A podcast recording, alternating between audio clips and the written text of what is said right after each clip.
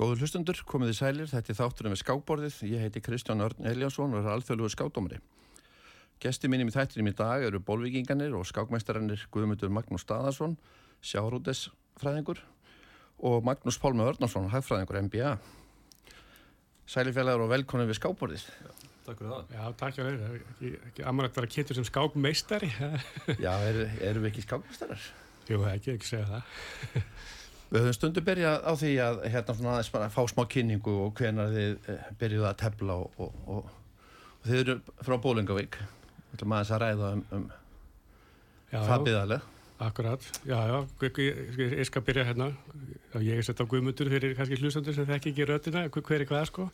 Að hérna kannski fyrsta skáksagan, ég get ekki kalla það skákminningu því ég var ungur mann getur í, ég var þess að 30 ára gammal og mamma kent okkur, okkur sískjörnum að tefla.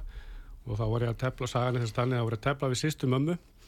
Og hún var nú ekkert að fylgjast mikið með og, og ég að og við byrjum bara að tefla og svo allt í það var nú bara heimarkísmátt og ég hafði heimarkísmátt að hana. Og hérna þá sett ég aðra skák og, og, og þá, þá svona forða hún úr mátinu. Þá kom hún að ég kunni hún ekkert mikið meira en það sko. Þannig var ég bara þryggjára gammal sko.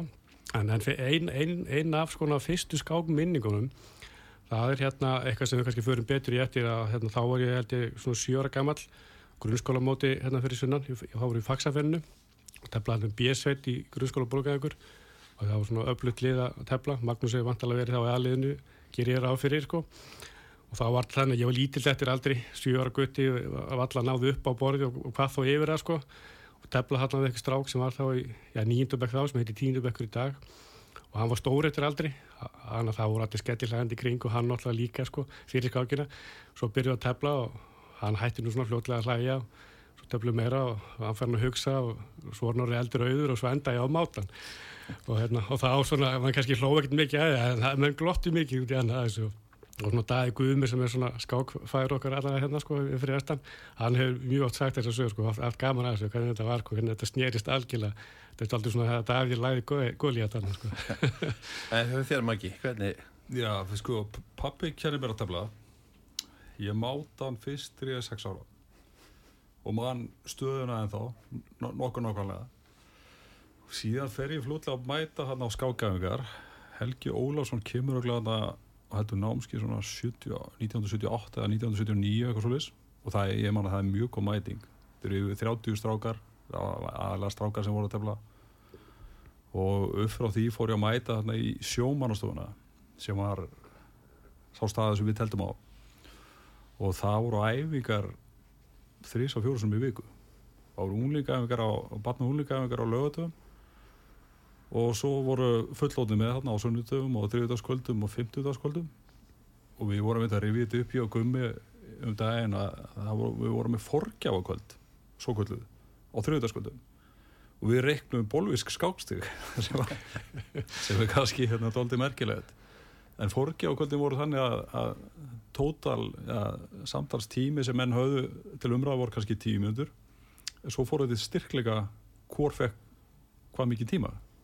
Þannig að þegar við vorum að tefla á móti sem sterkustu hérna Unsteini Sigurinn og Magnúsi Sigurinn og Dada Guðmus og fleirum að þá fyrst þá voru þeir kannski með eina hálfa minútu og ég þá átta hálfa.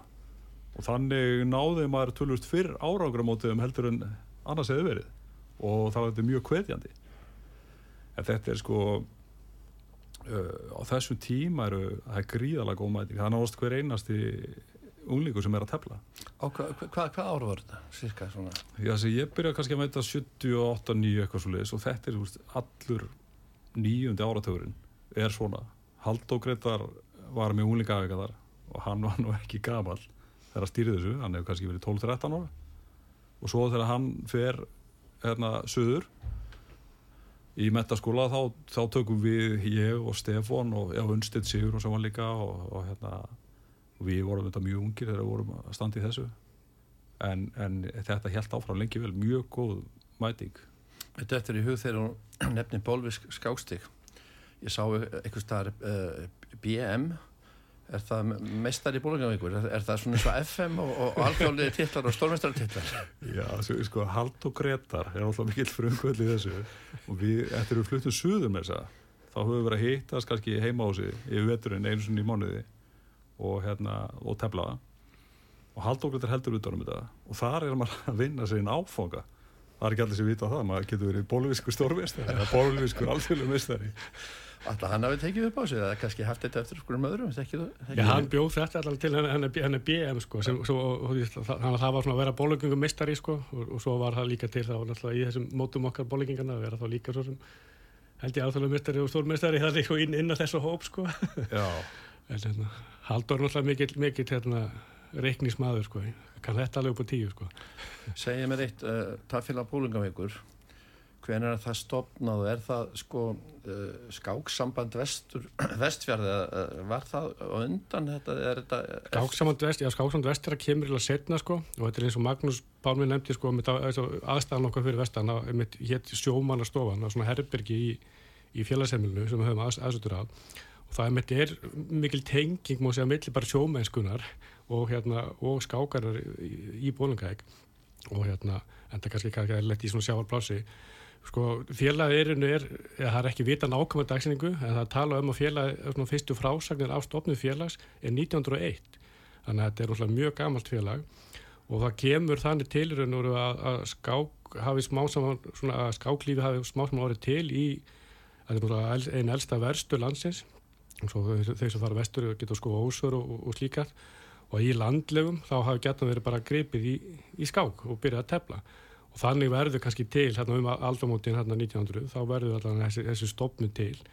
Svo gerist kannski svona setna verið að koma öflýður einstaklingar að, að málum. Og einn er til dæmis segja hérna Sveitn Haldursson sem var skólastjóri hérna í all, allmörg ár.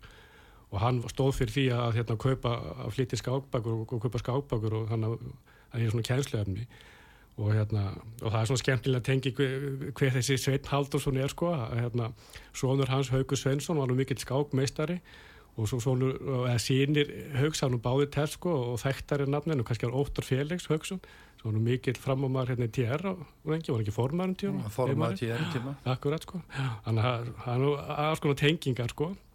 En það er ljóst sko að sem Sveinn gerði það hjálpa til að búa til svona auka, auka, auka skákþekkingu og svona kjölfari á því og þá koma menni Magnús myndist á hann á, á Dag Guðmundsson og, og, og hérna og hann fæðist þarna hvað 43 og hann og Sæbjörn Guðvarsson sipun tíma þarna, þarna verða til og þeir verða þeir fljóttur og mjög sterkir skákmenn og, og setna koma þá svona aðrir í kjölfarið og, þannig þá má sé að byrja upp og svona saman byrja bara mjög öflugt skáklíf og virka skákangar eins og einmitt fó, fór yfir sko. Svo kannski bæta vel samfélagi af mjög hlýðholt skákdeldinni Veist, við, vorum, við borguðum aldrei krónu fyrir að vera í sjómanastofri ég held að verða maður nefna Geir Guðmundsson sem var mjög Já. sem hafði umsjón með sjómanastofri og mjög sko. hliðhóllur skátteldinni og, og margir fleiri sem komuð þar að sko. Ég sé að það hefði verið gefið út blað hérna 1986 sennilega í umsjón uh, Magnús Sigurðarssonar Akkurat og mikið tímamót að blaða og þeim tíma sko, eitt, eitt lítið per. Hér, já, hér hann tekur þetta svolítið svona saman og reyfjar þetta upp sko. Já, hann reyfjar upp mjög margt skemmtilegt þar og, og fer að hans í skáksöguna og eitt af því sem hann fer við það með, hvernig virkin var á þessum árum sem, hérna, og einar S. sem myndist á hérna, hjá þetta árum daginn að hann hafi ferið ferið vestur og ekki Valdir Brán sem myndist á Kútmakvöld ef mann Jú, jú, jú. Akkurat, sko. og, það, það, og það var oft farið með einhver svona, einmitt, einhverja mikla meistara hér að sunna hann að vestur halda fjöldtefn og slíkt og líka tér tér sveit þess að úlingasveitir fóru mikið vestur og, og tefla og hérna hana, hana, þessi er svona þau, þau sem vilja hérna googla þetta eins og finna blæði, það er mjög frólægt að lesa, lesa þessa frásagnir af, af þessum árum og hvernig, hvernig þetta er, er, er skemmtilegt sko Þannig að tapfélag bólangöngur er sennilega bara eins og tér, það er eiginlega bara helsta tapfélag á landinu. Já, ég, ég, því sem ég best veit þá er það, þetta er líklega tvö eldstu tapfélag á landsins, ég held það sko. Ég, ég held að tapfélag eins og, eins og skáksam, sko skáksam akkurar kemur eitthvað setna, það er einhver heldur félag kannski jafnir 1902 eitthvað slít sko, er kannski ekkit keppni svo sem sko, en, en, en það er alveg rétt, það, það, þetta er bara eitt af eldstu, ég held að þessi tvö félag séu þau elstu sko. Við erum ekki að tala um síðustu aldamat, við erum að tala um þar síðustu aldamat. Við erum að tala um þar síðustu aldamat, það er alveg rétt. Já, svo má líka bæta við að það komu mjög margir sterkir skákmenn eh, að vinna vestur. uh, bara að vinna í fiski og, og hérna og teltu það sjálfsögur líka bara Róbert Harðarsson var þarna Átni Ármann Þráfi Viffús Karl Þorstens eða Karl ekki? Þorstens, já. Og elvust einhverju sem við erum að Jóhann glemma. Hjartarsson, hann- hann kom nú ekki kannski ekki til að vinna, hann Ég kom hérna á mót allavega. Hann kom, já, hann hann kom held ég með tér, ég held sér eftir hann kom hérna með eina af þessum úlingasveitum sko og ég man allan að það hann, hann kom hérna, ég, ég svona það var svo kannski fyrir mína tíð sko en maður svona heyrt sögurnar af þessu og, og hérna, hann kom hérna og þá var hann strax orðin svona mikil vonar stjarnar í, í skákli og þetta væri bara okkar næsti svona sterkir skákmaður og hérna, og hann teldi hérna skák við hann hérna Júlíu Sigurjónsson. Og þarna kemur Jóhann þessi, þessi, þessi vona stjarnar og er bara með skítapa tap, sem orðaði bara þannig. Hann er bara með kóltapa stöðu. En svo leikur Július eitthvað ónákvæmdi lokin og, og, og Jóhann svona grísar eins og, eins og maður segja sko. Kemur hérna vestur og, og, og teflu eitthvað óþekktan stráki sjálf sér og bara og grísaði vinning sko. Svo en, endar að þannig að Jóhann fyrir bara að vinna kostna en Július fór að gerast aftur með það brits. Var, var ekki hald okkur eftir það, náði hann ekki að leggja Freyri Gólfsson? Það eru hérna sagða sögur af hérna helgamótu sem voru hérna á þessum tíma. Og þá sérstaklega vekja þær miklu aðtekli Haldur og, og Július og ég, ég, ég man ekki úslitin ákvæmlega, þeir voru allavega áru í jættefli og, og hvort þeir voru ekki að leggja einhverja stórmeistara og kannski sérstaklega með þessum, fjöldtöflum sko og ég man hafa nú kannski eitt fjöldil það er ekki minnst af það í, í blaðinu sko því það kom eitthvað aðeins setna að ég tók átt í því allavega þannig að það var 86, 88 eitthvað mann þá kom Jón Ell vestur og var með fjöldtöfli það var miklu mjög stórt sko, bara mjög stórt oppi það gerði hann held í 6 jættefli og það er við 5 bólvikinga og, svo- og svo sjöttir hérna satt við hérna og Dag Guðmunds á ykkur strákur og og er svona lauma einum og einum leikjum á honum til, að- til að ná jætteflinu Ég sé hérna um, að upptalning á fj- fjölskákum í Bólugavík sem, kemur frem í blaðinu. Volter Brown, hann kom hérna. William Lombardi, sem var nú yfir skástur í Fisser og Spassky og Alexei Sutin sovisku skákmestari, Lev Albert. Mm. og svo talað með innlenda skákmestara það er Jón Ell Árnarsson, Jóhann Hjartarsson Friðrik Ólafsson, Helgi Ólafsson og svo framvegis. Já, þetta voru þetta voru stóru viðbörður þegar þeir voru að mæta þessi fjöldtefli og mjög, mjög skemmtilegt. Og, og þetta er svo sem náttúrulega fyrir að ég er fættið 77 sko, þetta er svona fyrir mína tíð þannig, svona þannig, en, en, en þetta er kannski einmitt þessi arleið sem að tala um sko, hvernig þetta hérna, byggjast upp og, og ég var bara svo heppin að ég sjálf sem bara fættist inn í þetta gekk bara inn í þetta hérna, öfluga líf og, og hérna og eins og Magnús sagði að, að við höfum oft bara séðum svo bara um æfingar og mótin sjálfum sko, þetta var alltaf bara telt og telt og telt út í eitt sko.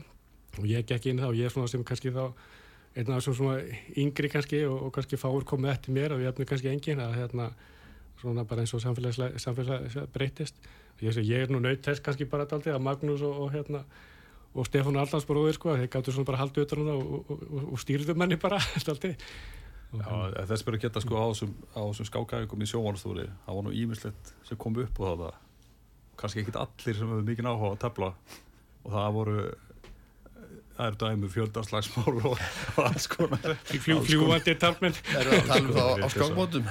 Já, bara svona á æfingum, Æfingum og dæmis eftir mig þetta voru bræður hérna sem að e, ef að skákin fór ekki í jattibli þeirra á milli þá voru slagsmál á Já. náttúrulega undatinninga laust Já, já, það er rétt. Þannig að einhverju bólvíkingar kannast öruglega við þessa sög og, og vita um hverju ræðir en, en það var svona já, þetta var svona að hluta til líka bara félagsmyndstuð Já, Já, og, og, og mikið, þess að það var alveg metnaður í krökkunum og mikil keppni og við erum að klara sýstir, eða svona elsta, elsta sýstir minn sem er með, hérna, Jakob Magnús og Palma, að hún sag, hefur sagt þessu sögu, sko, að þegar hún var ung, sko, þá, þá vann hún sér að þetta er bekkjabróði sinn, hann var svo fúll með það, hann fór að æði sig og æði sig og æði sig heilt sumar, bara til að vinna klöri sýstur. Þannig að það var mikil keppni hérna í, í krökkunum, sko. segið mér eitt í dag uh, uh, íbúr í Bólugavík er ekki rétt undir þúsund eða hvað? það er vel yfir þúsund við skulum alveg hafa það á hreinu. Við fórum yfir þúsund bara eh, eina, tvær vikur síðan. Búin að mark með lengi.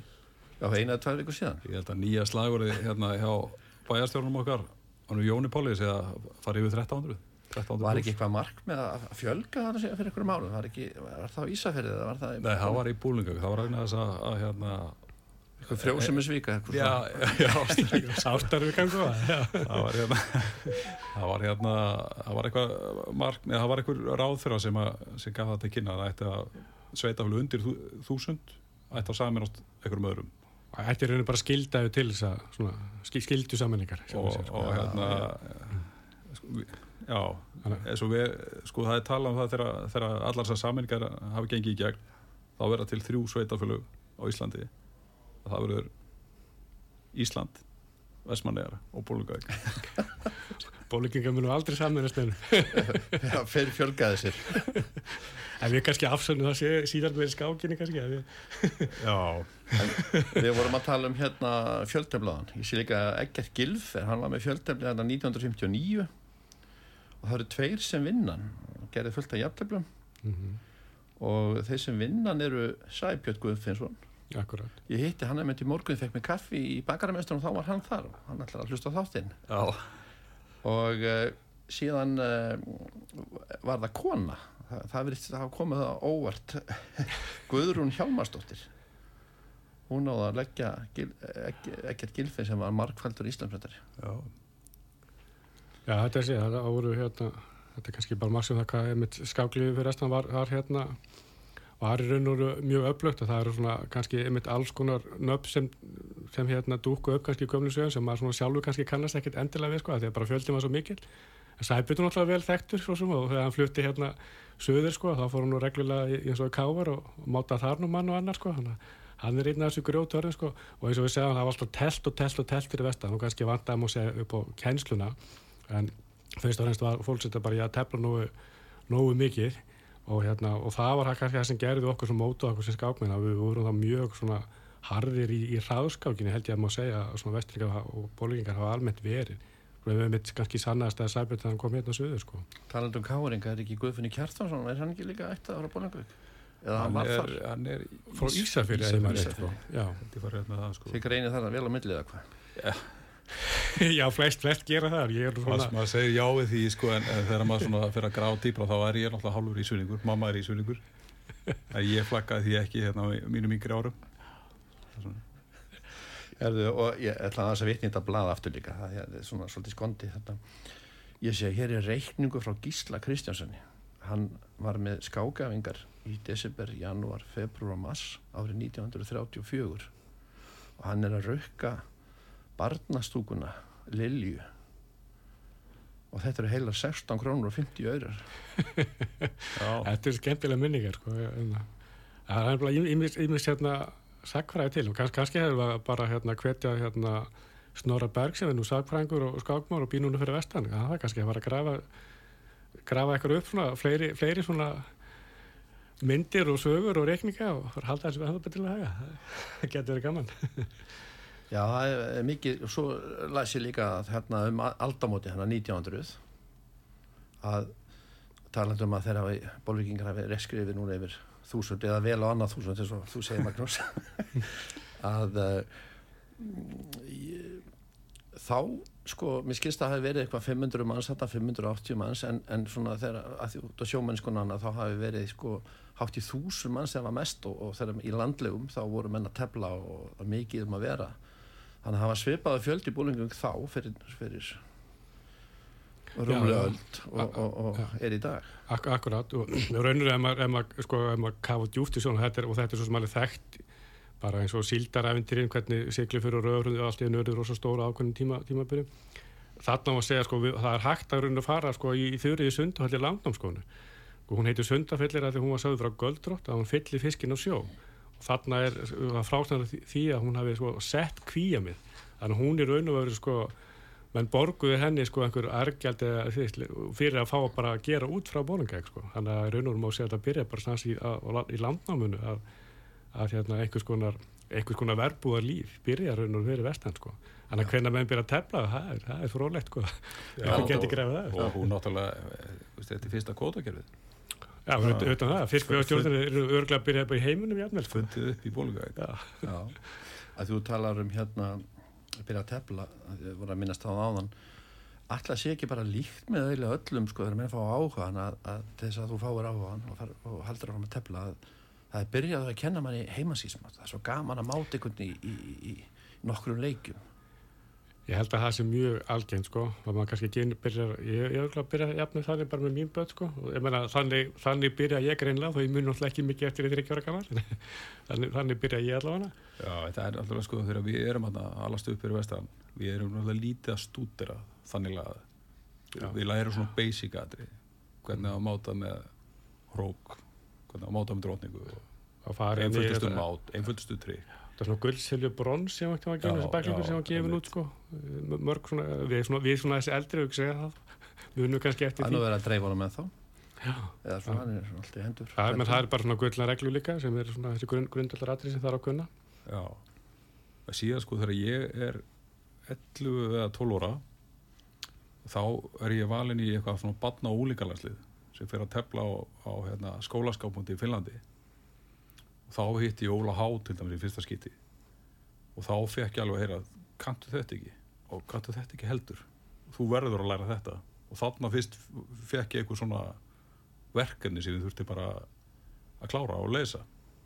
Er flott verkefni í þessum bæklingum þessum kullselfur og, og brónsbæklingum en, en svo var þetta líka þannig bara eins og, eins og ég og Stefán Aldans við bræðnum við, hérna, við komum bara mjög mikið hinga söður á mót og ég til dæmis eins og um páska þá komum við bara hverja einustu páska þá komum við hérna, að því hann er halvbræður sérsett og pappi hans búið hérna verið sunnan. Og þá vorum við bara gistum bara heima hjá pappa, pappa hans hér og byggum bara þar við í páskana. Og það var bara telt hérna í opnafloknum og ásköndaflokki það var sko, ég hef enga minningar um páska fyrir vestan, það er allt hérna fyrir sunnan að, að, að tefla sko. Já, Við ætlum að fara í auðlusingar og eftir auðlusingar ætlum við að fá lag. Og þið völdu það saman. Hvaða lag er það? Já, já, já, ég er svona stakk upp á þessu, þetta er hérna hún Saga Mattildur, við erum út á sögu, tilvæg að hafa sögu, hún er, hún er bólugingur, segjum við, mamma hennar var með, með mér í bekk í, í grunnskóla. Hún er fætt og upp hennar þar. Já, að passar, og hún var með þetta að svona stíga fram á sjónasvið bara núna í vetur, þannig að hún vann ædoli sem var á og vann það bara glæsilega og, og, fyllulega verðskuldað. Flott, þá förum við auðvisingar, fáum svo, fáum svo sögu og komum svo aftur.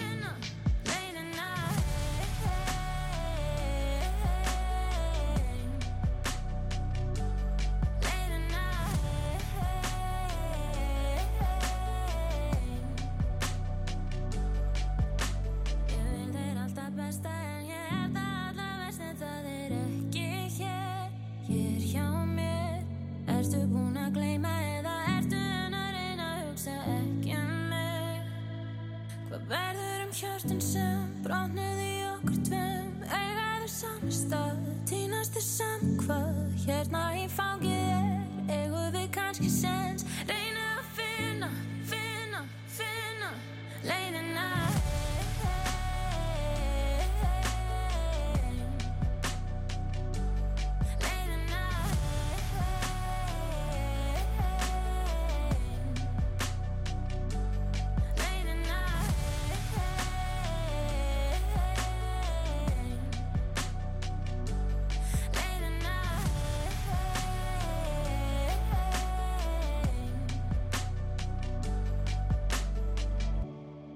manstu öll árin sem lið eins og ráðspólu bíómynd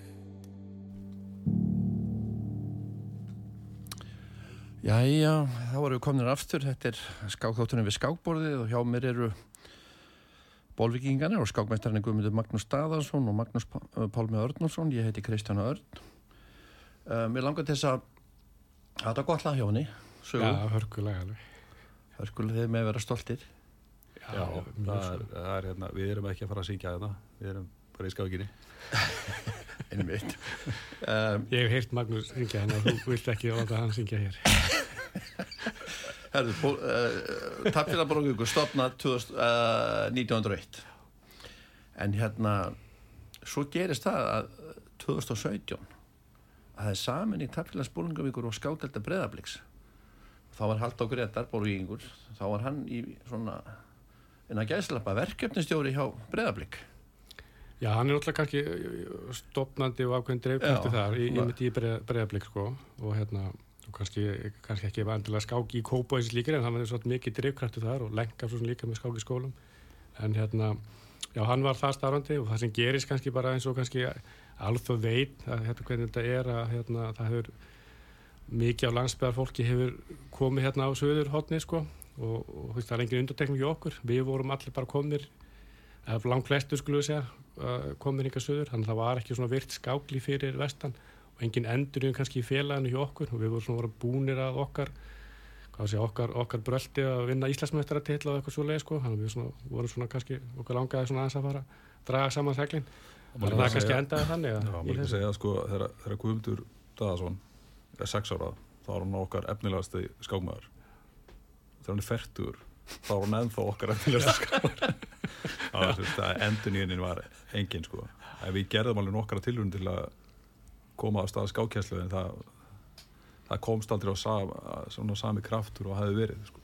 En það sem ég var líka velta fyrir mig sko 1901 það er raun sko já, kannski ekki búið að leggja það niður en það er þá ekki til einhver tafélag bólungur í gagnakvöldin skásamess eða? það Nei, í raun og veru ekki, það, er alveg rétt. Þannig að þetta er svona stóra ákverðin að taka á þenn tíma sko og hérna og, og tók alveg á að taka það ákvörðun og, og þurfti alveg ár, einhver ár í aðlöfun og umræður og, taka það. En, hvort að formið sér til ekki sko, en það er rétt, það er ekki til í sagt, beilinins í, í, í sem, sem félagi að, að skáksamband í Íslands í dag. En, en það mútt að liða það hvort félagi sér til eða ekki. Ja, svo, Það er líka svo annað í þessu vera sko, eins og við vorum að lýsa þessum skákæfingum hann í sjómanstofunni að, að þessi menn sem við erum að tefla við við vorum að nefna Dada og Sæbjörn og fleiri það voru miklu fleiri þetta eru allt miklu bólvikingar þannig að leggja niður tafélag bólungaugur er mjög stór ákvörun og alls ekki allir sáttið við það.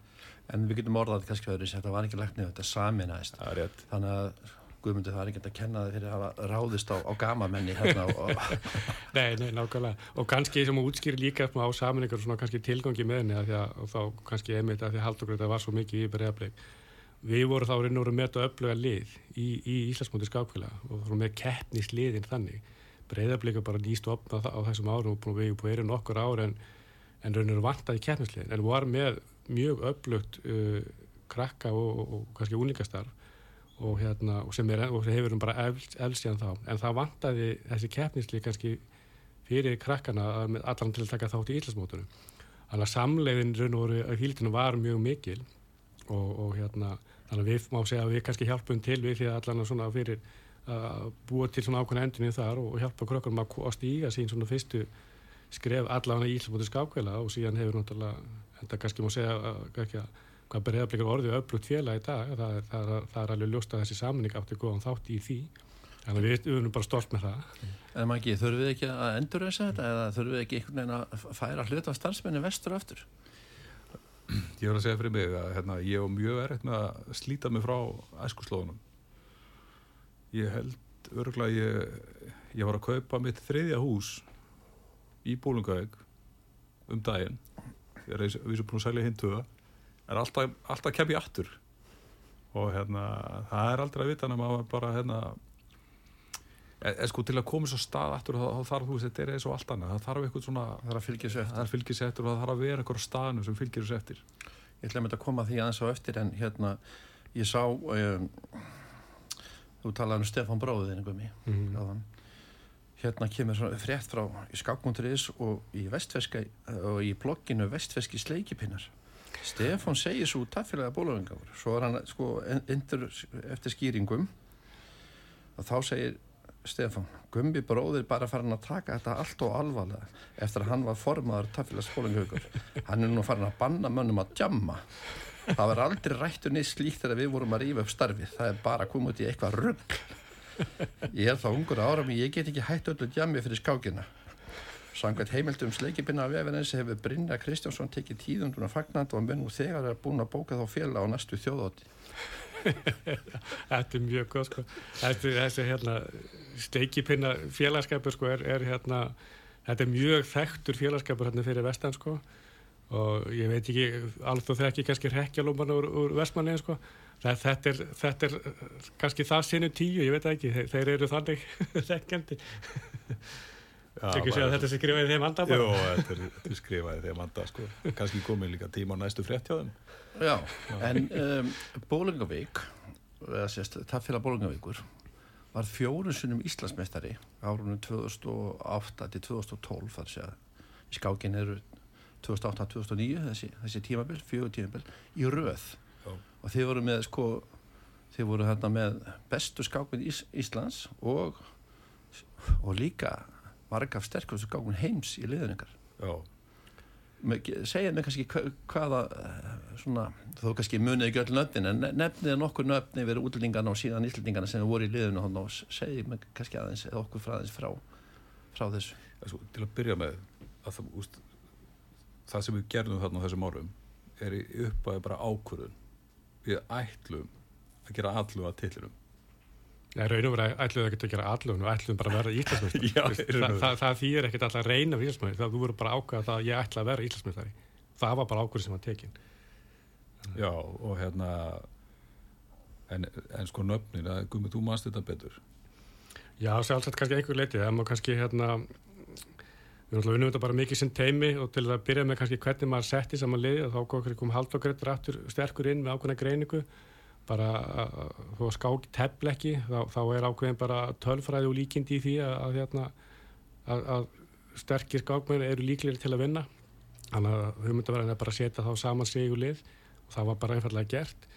Og fundum kannski líka þá bara kannski einstakling- einstaklingar sem við svona kannski bæði kannski þekktum og höfum kannski einhver, einhver svona tengingar við og jafnvel höfum tengsl vestlur, vestur eins og bæði þá Jóhann Hjartar og Jón Ell stórmestarar höfum við svona ákveðan tengingar vestur höfum komið, einmitt, eh, komið vestur í heimsóknir. Eh, við hengum hérna eins og Braga Þorfinsson og, og Jón Viktor Gunnarsson. Og þá, var líka þá að náttúrulega þeir svona bara efnilegir og, og, og þeim tíma náttúrulega alþjóðlega mestarar og langa að vera stórmestarar þannig náðu þá líka kannski að styrkja þá hans í leiðinu að svona hjálpa þeim í, í þe- þeirri vegferð sko.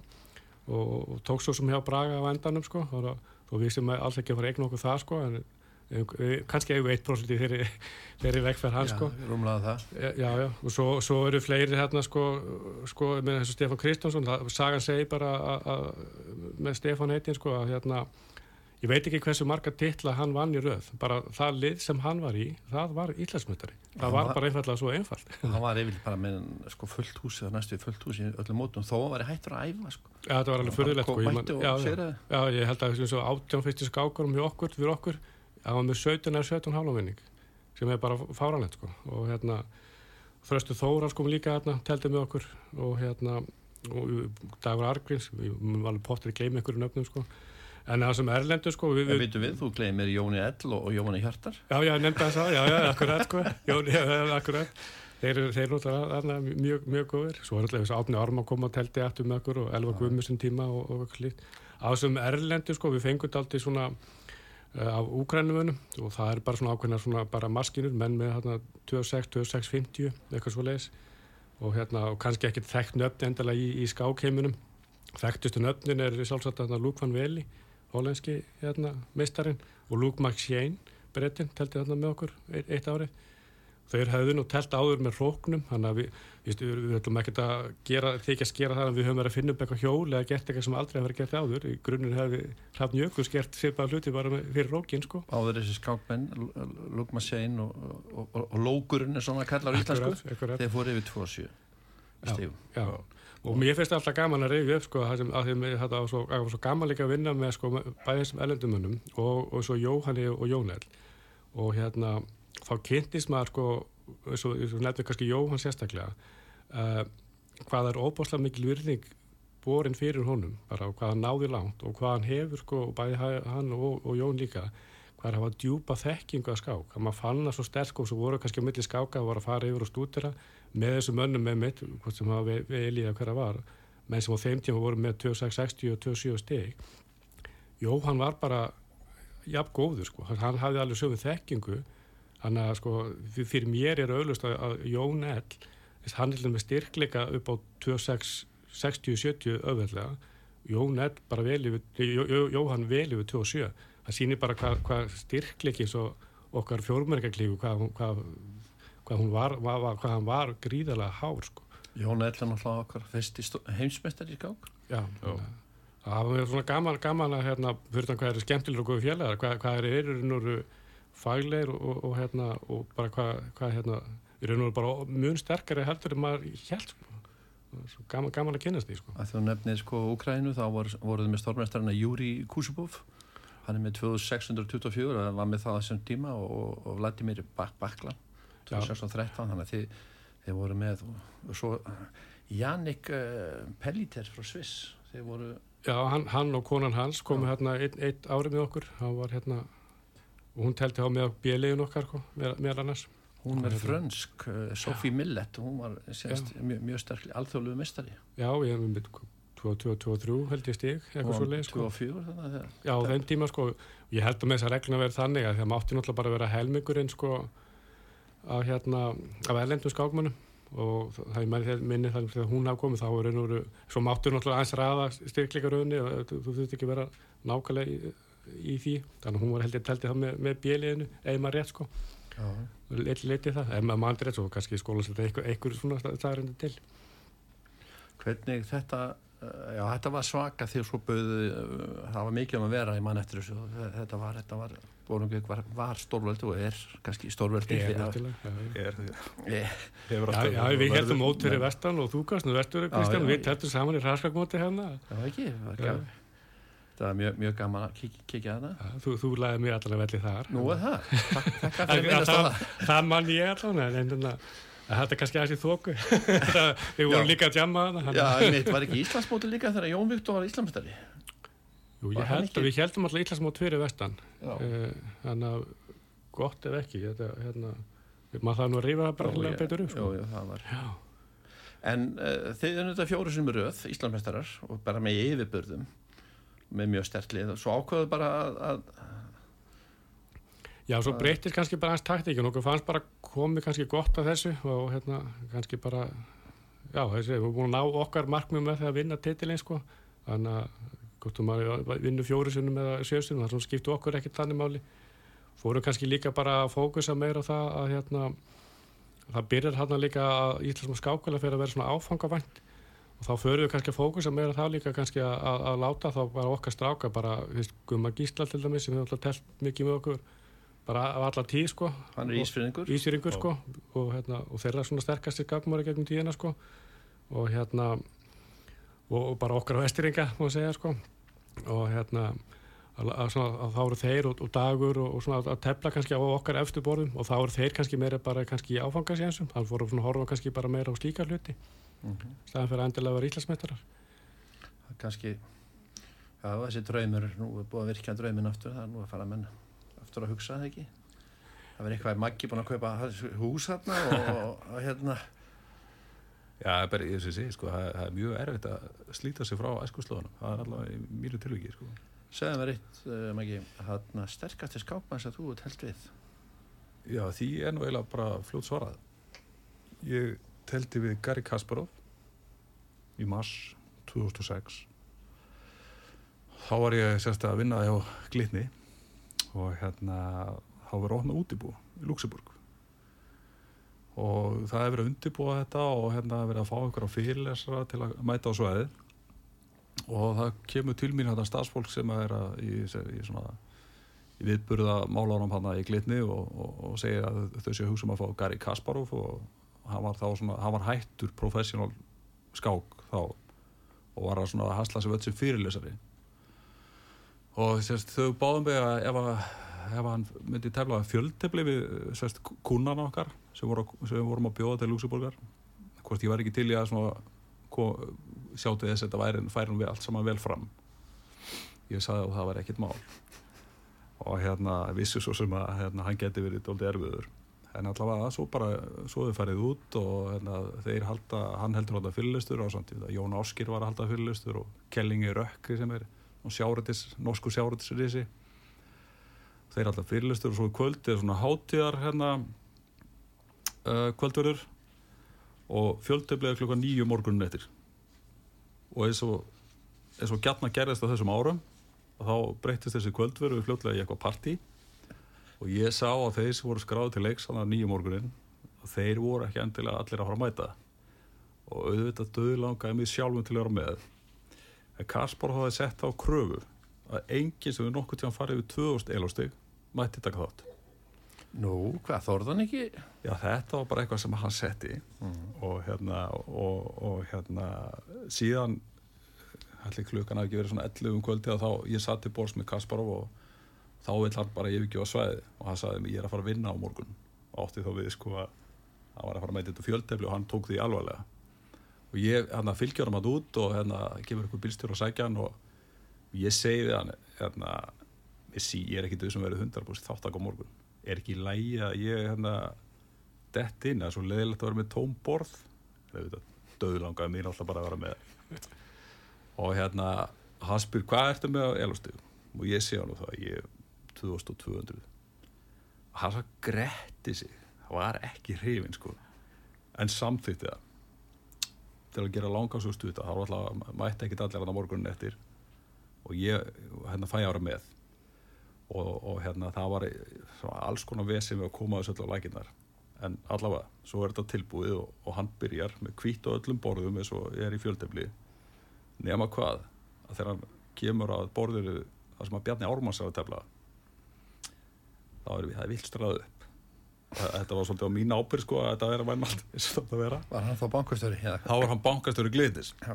og ekkert mjög langt liðið frá því að hann kom á djaminu og hérna Kaspar og horfið svona bara vorðið og segi, segi við Bjarni herðu það vil straðu upp hérna og ræða bara upp aftur og tekur sína menn talkmenn sko og ítur honum yfir til Bjarni þá segir Bjarni horfir í augun og Kasparov segir nei, Mr. Kasparov þú mátt bara leika einu leik í einu. Og þetta var svona moment sem að mér fannst þeirra klukkutími hvernig kallin myndi bregðast við hvort það myndi bara yfirkjáða svæði verða þess að bankastjóri gliti sem móka og hérna en það endaði því að Kaspar var bara léttur fannst það fyndið og held bara áfram að tefla. Og hérna þeir sem voru að taka þátt voru ekki endilega okkar bestu menn varandi skákmenn, skákmenn. Einmitt. og hérna hann er fljótlega hérna, búin að vinna bara 15 eða eitthvað. Og eh, hérna reglan í fjöldtöflum er auðvitað þannig að þegar, þegar sá sem er að tefla fjöldtöfli kemur til þín þá er að leika strax. Og hérna ég, ég átti ágæti skák, gekk ágætlega. Og einhvern tíma kemur á borðinu og ég leik ekki strax og hann bara lemur í borðið, leiktu. Síðan, mjög fljótlega eftir þetta þá erum við bara tveir eftir hann næði sér í stól. Hvað hann að vera fimmfaldur heimsbystar eða eitthvað? Sest á móti mér. Ég verð alltaf að leika strax en hann tekur sér allan tími heimi.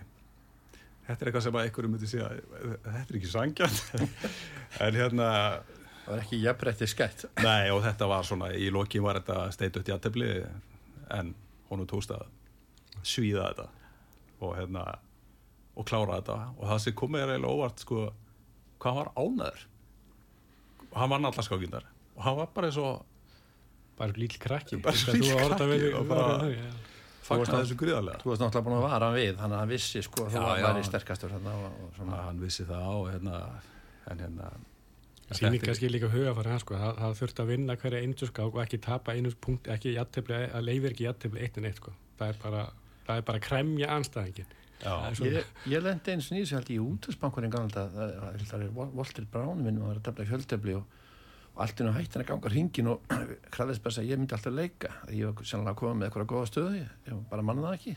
Já, og, og hann bara vildi klára sko, pindum upp þess að leika og ég náttúrulega bara leik mjög hrætt og tapaði þessu já. og þá, svo, svo held hann bara áfram hringin sko. En, en hvað með þau Guðmundur? Eh, Guðmundur, hefur þú Já, telti við- Kasparó? Ekki telti Kaspró, en, en við Magnús Eða kannski saman að hafa telti heim, sammeilegt að hafa telti heimsmeistara. Það Ég er með telti líka fjöldibli heimsmeistara sem var endur ekki heimsmeistari þá. En það var hann Anand. Hann kom hérna, ég man ekki nákvæmlega hvað árið þetta var. Þetta verið hérna kannski 91, 2, eitthvað svo leys. Ég held ég að verið svona 14-15 ára. Ég held ég að það verið grunnskóla. Mér minnir þetta hafi verið heimsbyggamót sem var haldið hérna og, hóttu loftlegum og það var svona klukkufjöldubli og við vorum mjög tíu uh, þá allt strákar hugsalega ein, einkona á mótunum, allt svona ungmenni. Það var svona ungmennar landslið má segja kannski á, á móti honum. Þá var hann að koma alltaf fram á sjónasvið og þessi, þetta indveska undrabatnegni sem hugsaði alveg fárana hratt sko, notaði alltaf mjög lítinn tíma og myndi klukkutíma manni í, í skákanum sko og þarna satt maður bara við þessi flottu skákborð sko, það sem, það sem allra bestu skákmennu voru að, að keppa sko, að nota, nota þar búin, það var mikið heiður að fá að, og bara vera einsla sko að fá að teppa þetta. Enda þannig að, að við hérna hann notaði innan við korter á skákinnar og við fjallum þetta á tíma. Það var nokkur þannig. Kannski, helgi ástæði nája til að getur verið, ég manna það ekki nokkarlega En uh, Ma- Magnús, þú, þú, þú ert bara að vera að tefla svolítið und, undanferðinu, þú ert svona að dustaði ríkið og, og haldaði við og, og kannski, það er kannski á ekki sama við þig, gummið það, þú ert ekki svona uh, Þetta þetta var svo glæður á að skynnt mér sem skákmeistara hérna í byrjun sko. ég er svona meiri skák áhuga maður sko. Þessi misserinn sko. en það er kannski, hérna, það er nú kannski að kannski að kvikna eitthvað lífi í mann aftur kannski þegar maður er að byrja að taka Magnús til fyrirmyndar það er alveg sko, ég er alveg heldekinn á bakteríunni. Það hefur aldrei verið auðvöldar að stúdera en núna og maður hefur enga afsökun. Og mér finnst þetta bara rosalega gaman. Og, sé ekki ástæði til þess að hætta. Ég tók þátt í Reykjavíkumótinu núna um daginn og þetta er algjör vissla eins og þú veist, Já, að taka þátt í svona móti og, og, og svo er þetta þú veist, það er eitthvað nýtt að gerast í skákinni eins og þessir þessir, hvað heitir þetta, streym, streymarar eða Áhrifavaldar áhrif, áhrifavaldari og þetta er alveg bara ég það- þetta er alveg ótrúlega að fylgjast með þessu. Já, og mjög gaman að fylgjast með. Ég er mitt úr Reykjavíkumótinu núna sko. Ég fylgjast með annars og, og kannski aðeins með Bótes, fór annars slag inn og það streymi sko. Og það Lúti Hammer, Jón Hammer hann þessu og svona sko. Þetta er alveg, þú veist, þarna voru fyrst kannski 15 árs manns og komið upp í 25 árs manns bara að horfa á beina útsynningar og þetta er alveg magna að fylgjast með þessu sko. og svo er þetta bara þessi skák hérna, þessi, þessi bylgja sem er í gangi sem er alveg ótrúleg ég held að sko, öll börnum, ég er með fjögur börn þau eru öll á chess.com að leysa skákþrautir. Uh, einn af sonum mínum er að leika sér að því að setja upp fyrir mig einhverjar, einhverjar hérna, þrautir sem hann hefur fundið á YouTube sem eru jafnvel uh, óleysanlegar fyrir tölvufórið og svo hlæra hann mikið að þeir get ekki list það. Hann er með svarið. Af því að hann er með svarið já. En þetta að því að þátturinn, hún finnum bara að ljúka, við erum nokkra myndur eftir Eða að fara aðeins inn á hérna heimsmyndrefið núna sem er í gangi? Sko það er milli kynverna Sting Lírin og, russan Jan Nepomuk Minjaci og fyrir daginn í dag það er semst 11, 11 umfyrir lokið og 12 umfyrir var telt í dag. Og fyrir daginn í dag eftir 11 umfyrir þá var Nepomuk 6 vinning og Ding 7 og það er sá sem að fara 7,5 vinning. Hann Já, það það, var það var- það var 6-5 sem sagt fyrir Nebo, fyrir skákin í dag. Já, og, hérna, og já. ég, hérna, ég náðu nú ekki að kanna þannig fórin þáttin en, en þið voruð eitthvað að skoða þetta ekki? Jú, Jú, við fylgst aðeins með þessu og þetta var bara, þetta var líklega kannski bara skáka einvegaris hinga til að því að hún bara skipti um eigendur og mikil drama, kannski vestheldaskákin en þeir eru alltaf bara að sína að þeir eru mannlegir, það er ekki tölvur, að tefla, þeir eru bara mannveru sko, þannig að Já, við vorum þetta að reyfi upp sko, það eru dæmið einvið sem að alla skákita fóru í jafntefli. Þá til að fara í einhverja, framlengingu.